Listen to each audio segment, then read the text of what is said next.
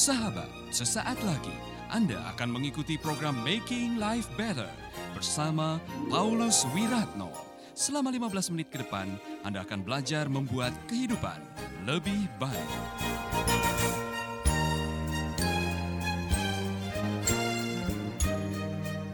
Saudara-saudara, pagi hari ini saya mau mengajak Anda untuk mengevaluasi dibandingkan waktu Anda masih SMA dulu, ketawanya lebih banyak yang mana? Kan? Coba bandingkan berapa banyak uh, ketawa saudara sekarang dengan dulu waktu masih SMP, ya kan masih SMA ada banyak ketawa dan sekarang berkurang. Berkurang Bu ya? Kenapa berkurang ya? Saudara tahu bahwa kita diciptakan oleh Tuhan untuk bersuka cita. Itulah sebabnya hanya manusia yang bisa ketawa.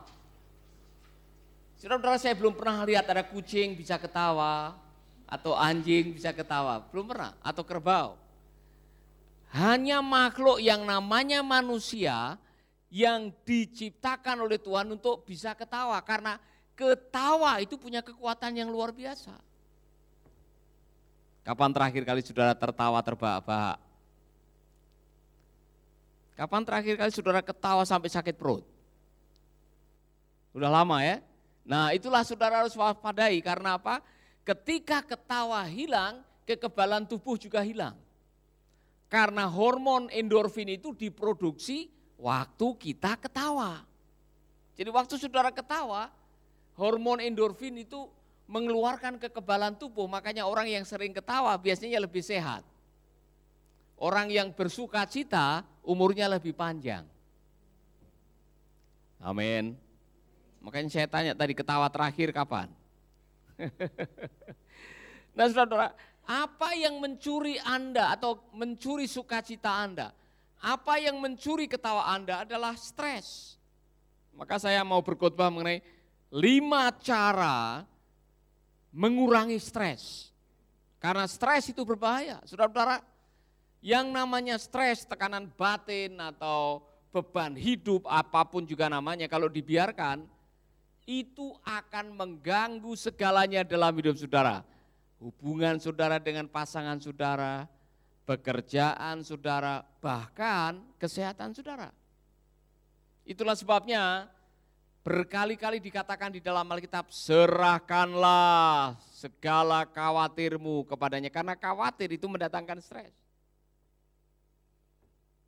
Itulah sebabnya Alkitab berkali-kali mengatakan jangan takut, jangan takut. Karena apa? Takut itu mendatangkan stres. Itulah sebabnya Tuhan Yesus mengatakan serahkan semua beban. Kenapa? Beban mendatangkan stres. Dan saudara mungkin pernah mendengar ini supaya saudara waspada, yang namanya penyakit, semua penyakit itu 85% disumbang oleh pikiran. Jadi orang yang stres rentan kena penyakit. Katakan kepada teman saudara, kalau kamu stres, kamu gampang sakit. kurang keras, saudara, seperti kurang yakin. Ya. Kalau kamu stres, kamu gampang sakit, katakan. Ya, kalau tidak percaya streslah senantiasa. Maka sebentar lagi Anda akan sering mengunjungi dokter. Ya kan? Sering mengunjungi apotek. Nah saudara-saudara, yang saudara butuhkan di dalam hidup ini untuk mengurangi stres adalah damai sejahtera. Filipi 4 ayat 7. Maka sejahtera dari Allah yang tidak mungkin dapat dimengerti manusia akan menjaga hati dan pikiranmu yang sudah bersatu dengan Kristus Yesus. Yang saudara perlukan setiap hari untuk mengurangi stres, untuk bebas dari stres adalah memiliki damai sejahtera. Apa itu? Irene. Apa bedanya damai sejahtera dengan damai-damai yang lain?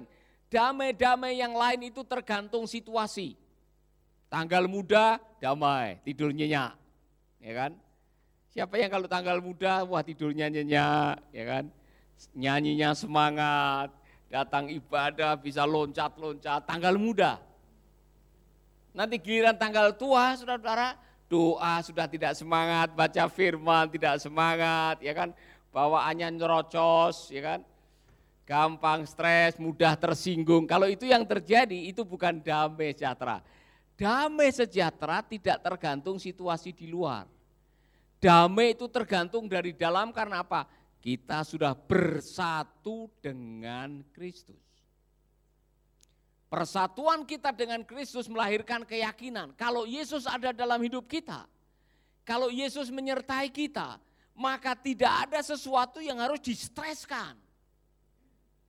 Kalau kita tahu bahwa Yesus menyertai kita seperti janjinya, aku menyertai kamu sampai kesudahan zaman. Maka segala perkara yang kita hadapi, Yesus tahu. Masalah yang saudara hadapi, Yesus tahu pergumulan yang saudara miliki, Yesus tahu.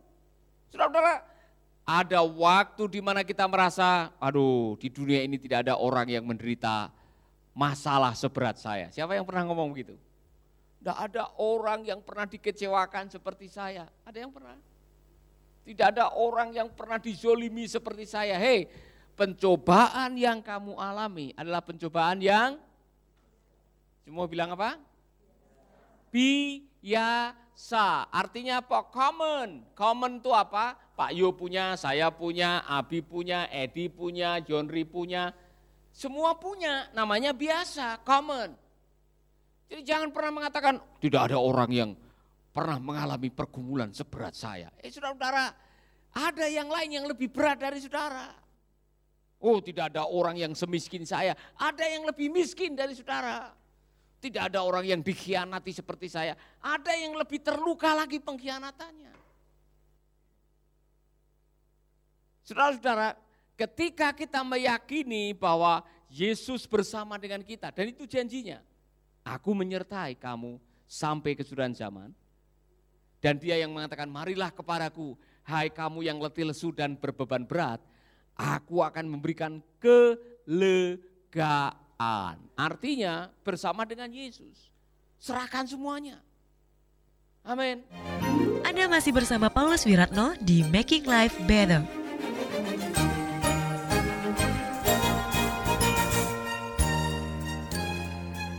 Besok kami akan terbang ke Amerika lewat Jakarta.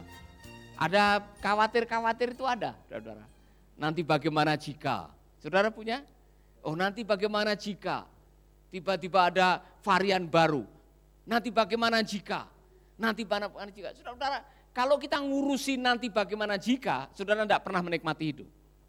Nanti bagaimana jika anak saya tidak bisa kuliah? Nanti bagaimana jika kalau bisa tidak bisa menyelesaikan uh, kredit motor? Nanti bagaimana jika suami saya minggat dengan wanita lain? Nanti bagaimana jika kalau saudara mau ngikuti nanti bagaimana jika saudara tidak akan pernah bisa tidur nyenyak serahkanlah semua khawatirmu kepada Tuhan. Jadi saya belajar berserah. Saya menyerahkan kepada Tuhan. Saya tidak tahu apa yang terjadi di sana. Selama tiga minggu di Amerika, di beberapa kota, saya yakin Tuhan menyertai.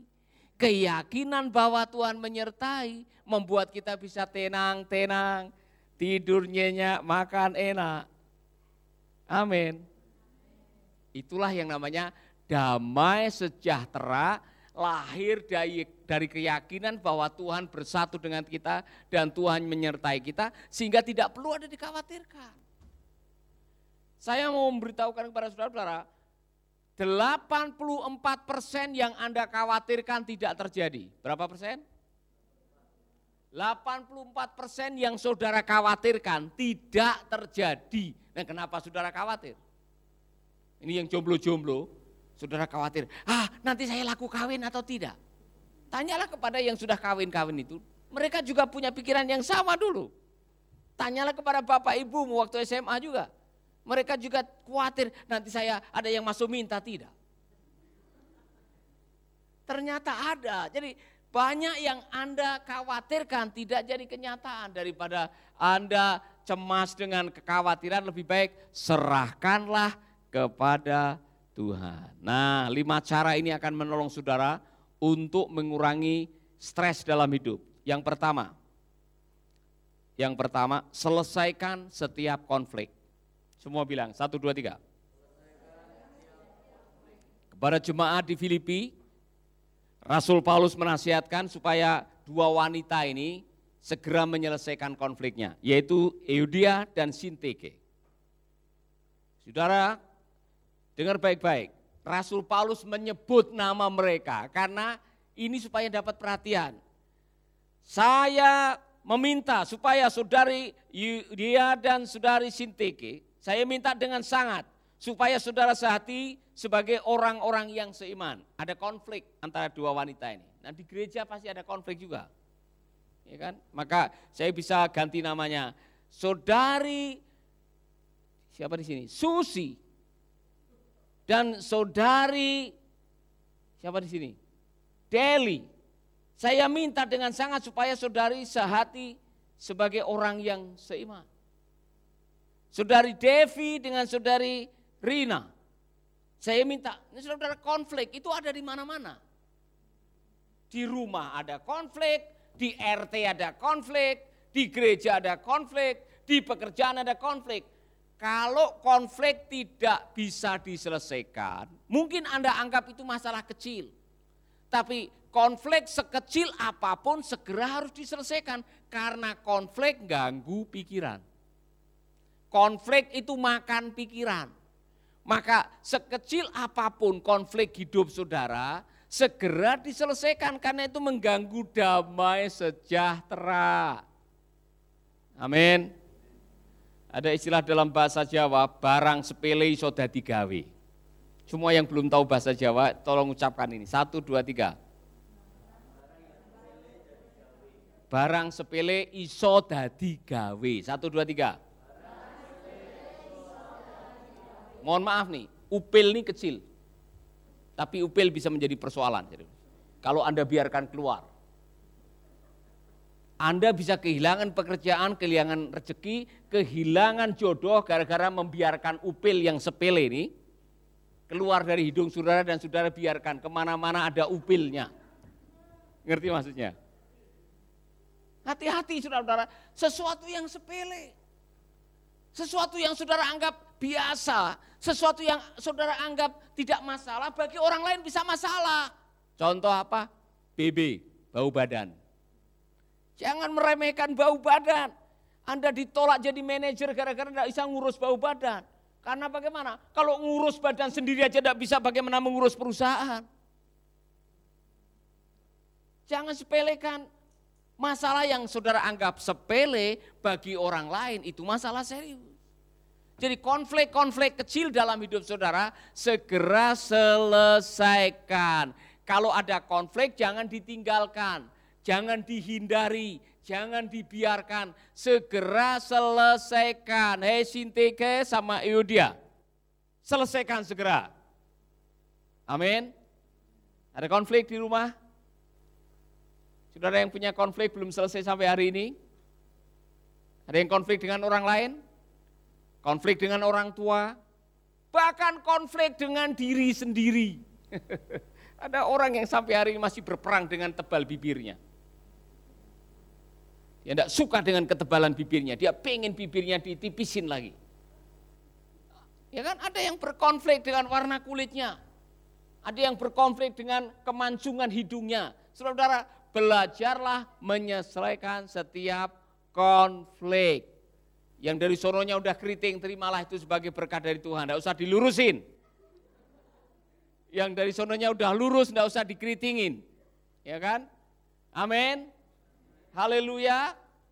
Terimalah dia dengan apa adanya. Berdamailah dengan diri sendiri supaya tidak ada konflik. Yang kedua, selalu bersuka cita. Wow. Rasul Paulus dalam Filipi 4 ayat 4 mengatakan, semoga kalian selalu bergembira karena kalian sudah hidup bersatu dengan Tuhan. Sekali lagi saya berkata, bergembiralah karena saudara sudah bersatu dengan Tuhan, tidak ada alasan untuk tidak bersuka cita.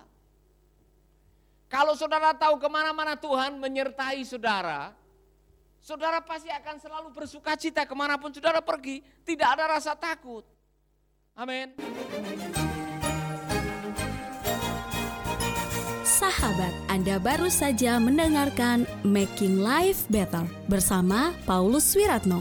Jika Anda diberkati, kirimkan kesaksian Anda ke Radio Dian Mandiri, Jalan Intan LC2, Gang 4, Nomor 1, Denpasar, Bali. Kunjungi website kami di pauluswiratno.com, Facebook Paulus Wiratno. Hubungi kami di 0811 3901 144 dan 0811 3901 140. Sekali lagi 0811 3901 144 dan 0811 3901 140. Anda juga bisa mendengarkan program Making Life Better ini melalui handphone Anda. Download aplikasinya di Play Store atau App Store. Sahabat, Mari dukung program Making Life Better ini melalui rekening BCA 6690300525. Sekali lagi, rekening BCA 6690300525 atas nama Wiratno. Terima kasih, Tuhan Yesus memberkati.